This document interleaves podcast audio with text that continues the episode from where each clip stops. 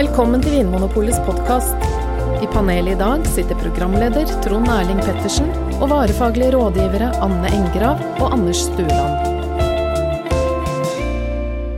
Hjertelig velkommen til Vinmonopolets podkast. Eh, frykten står ut av øynene på Anne og Anders, som sitter ved siden av meg i studio. For det er på ny på tide å snurre lykkehjulet. Eh, I dag er det druehjulet vårt vi skal snurre, Anders og Anne. Ok. Eh, Av verdens 3000 av verdens vindruer. eh, x antall tusen vindruer, så skal vi i dag snakke om en drue. Vi aner fremdeles ikke hvilken det blir. Men nå trykker jeg på min PC, og det snurrer et lykkehjul. Og vi skal aldeles straks snakke om en blå drue. Vil dere gjette hvilken det er? Nei! 20, Da, sp Dornfeld, 20 spørsmål. Um, Har den hår? den, hvis den har hår, så er det en Det finnes visstnok en sånn portugisisk drue som er, som er hårete. Ja. Mm. Hvis den her har hår, så tror jeg det er en svær hentesveis med et litt sånn oransje skjær i. Ok, er den amerikansk? Ja. Er det Sinfandel? Yes, sir. Wow! Yeah. Sinfandel. Oransje torment. Ja, er det Spørsmål én. Er Sinfandel vinverdens svar på Donald Trump? Ja eller nei? Nei. Mm, nei, men jeg skjønner at spørsmålet kunne være åpenbart å stille. Mm. Ja, hvorfor det? Jo, for den kan være litt sånn eh, eh, Litt sånn voldsom og litt sånn veldig direkte. Ja.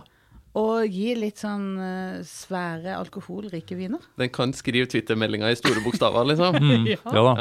Ja. Jo, Den kan jo det. Mm. det er sjelden det er liksom lett på tå. Den sniker seg ikke inn. Nei. Nei. Men kan, kan Sin- Sinfandel på en måte også gjøre litt som Obama, Anders, og holde de store talene som du blir litt sånn rørt av? Ja, jeg tenker at det er en drue som kan gi litt sånn sofistikerte og nyanserte viner også. Ja, Mm. så spennende. Så Ja her har vi ei drue som, eh, som har flere ansikter. Mm. Mm. Ja, absolutt. Skal vi begynne litt med uh, hvordan, altså hvor drua kommer fra? Uh, skal vi ta litt Sinfandel-historie? Ja, For du sa jo at den kom fra USA, Ja. men det gjør den antageligvis ikke. Nei. For den sist sett i Italia, holdt på å si. Først, først, Først sett, holdt på å si. Ja, Ja, først for sett, ja. Sinfandel er kjent under et annet navn. ja. Primitivo.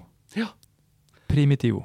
Så hvis noen har smakt en vin fra Sør-Italia, fra Puglia, Mm. Puglia i langt sør på støvelen, Ja. og det står Primitivo på etiketten, så Ja. er det samme drue sannsynligvis som eh, Sinfandel. Ja. De, eh, Det er der Sinfandel kommer ifra. Eh, Jeg mener jeg har lest et eller annet sted at den egentlig kommer fra sånn Kroatia eller Ja. Øst-Europa, og så har den forflytta seg derifra til Italia. Men så har den jo da, som vi var inne på, blitt aller mest kjent i USA. Ja. Men så har man funnet ut at det er identisk genmateriale. ja. Mm. Eh, Anne, hvor i USA er det det mest vanlige å påtreffe drua Sinfandel? Det er jo altså på vestkysten i California. Ja. Altså, det meste av amerikansk vin lages jo der, så Det jo det det. er jo egentlig naturlig. Så ja.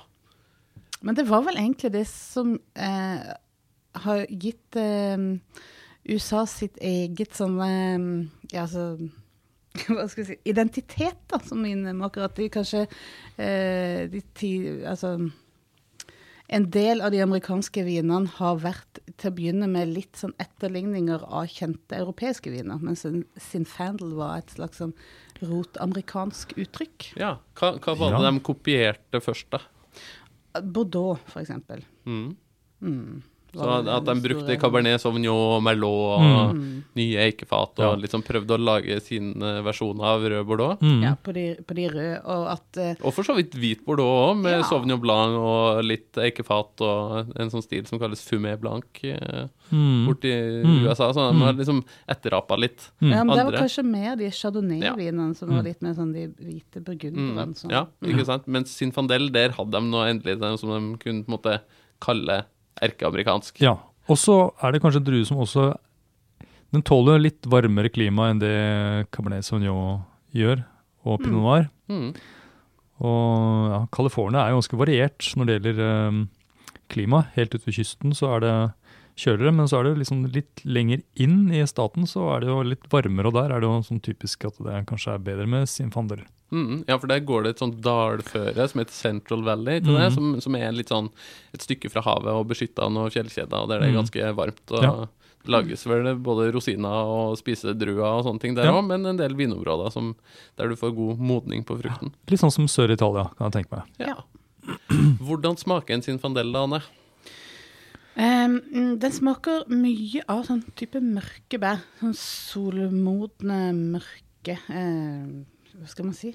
Plomme uh, Hver gang jeg skal tenke på sånne assosiasjoner, så stopper det ved plomme. Men Ja. eh, kanskje litt mot nesten sånn fiken også. Det er Mm. sånn veldig sånn solvarme frukter. Mm. Jeg tenker ofte på Altså, svigermora mi dyrker bjørnebær Ja. i solveggen på, på huset sitt. Og litt sånn solvarme bjørnebær med Ja. litt vaniljesaus på.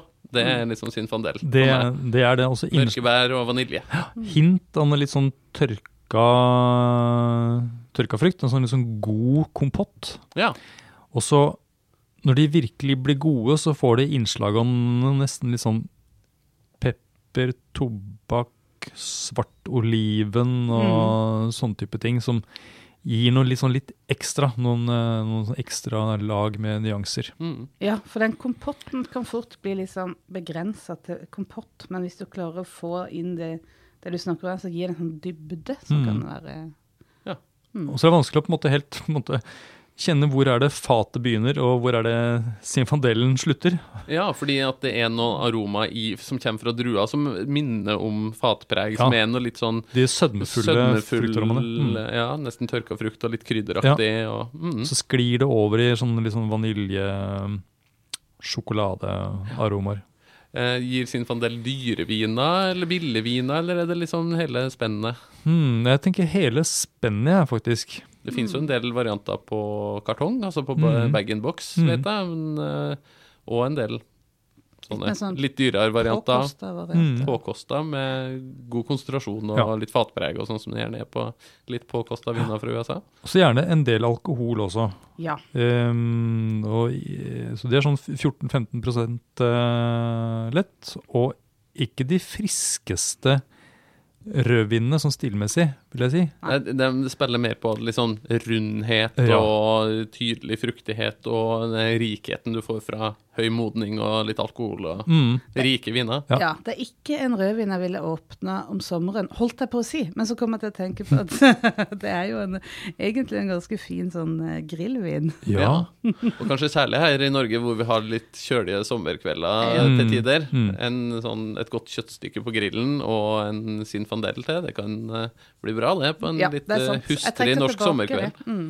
Og så går det også Du kan jo endre vinen litt grann, med å kjøle den litt ned også. Hvis du Ja. syns den har litt mye av det sødmefulle preget i frukten, så kan du kjøle den ned eh, til sånn 12 grader f.eks. når du serverer den. Og så vil du kanskje ha en litt mer frisk fruktighet i vinen. Mm. Vinen er jo den samme, men den, det, er bare, det, det er jo noe den, kjemisk som skjer da. Det oppleves litt friskere, litt annerledes Mm. når du har den litt kaldere. Ja. Anne, vi var så vidt innom grillmat her. Mm. Eh, sånn generelt, hva slags type mat passer en sinfandel til?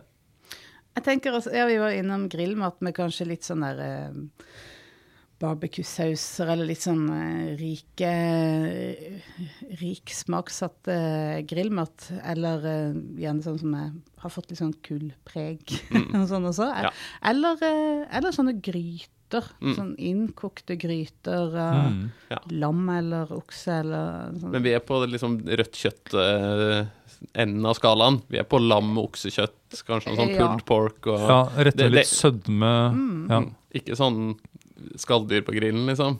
Nei, det vil jeg ikke. Nei. Kunne sikkert prøvd det, men det er ikke det første jeg ville gått til.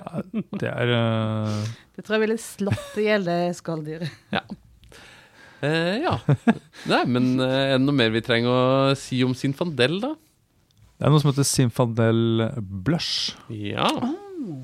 Hva er det for noe? Ja, det er jo en eh, rosévin, da. Ja. Mm. Eh, fra USA. Ja, Og hvordan skiller den seg fra en rosévin fra f.eks. Provence eller Piemonte eller andre roséviner vi er mer vant til å smake? ja den eh, har jo som regel litt eh, sødme. Ja. Litt søtere Mm. vin, rett og slett. Mm. Eh, ja.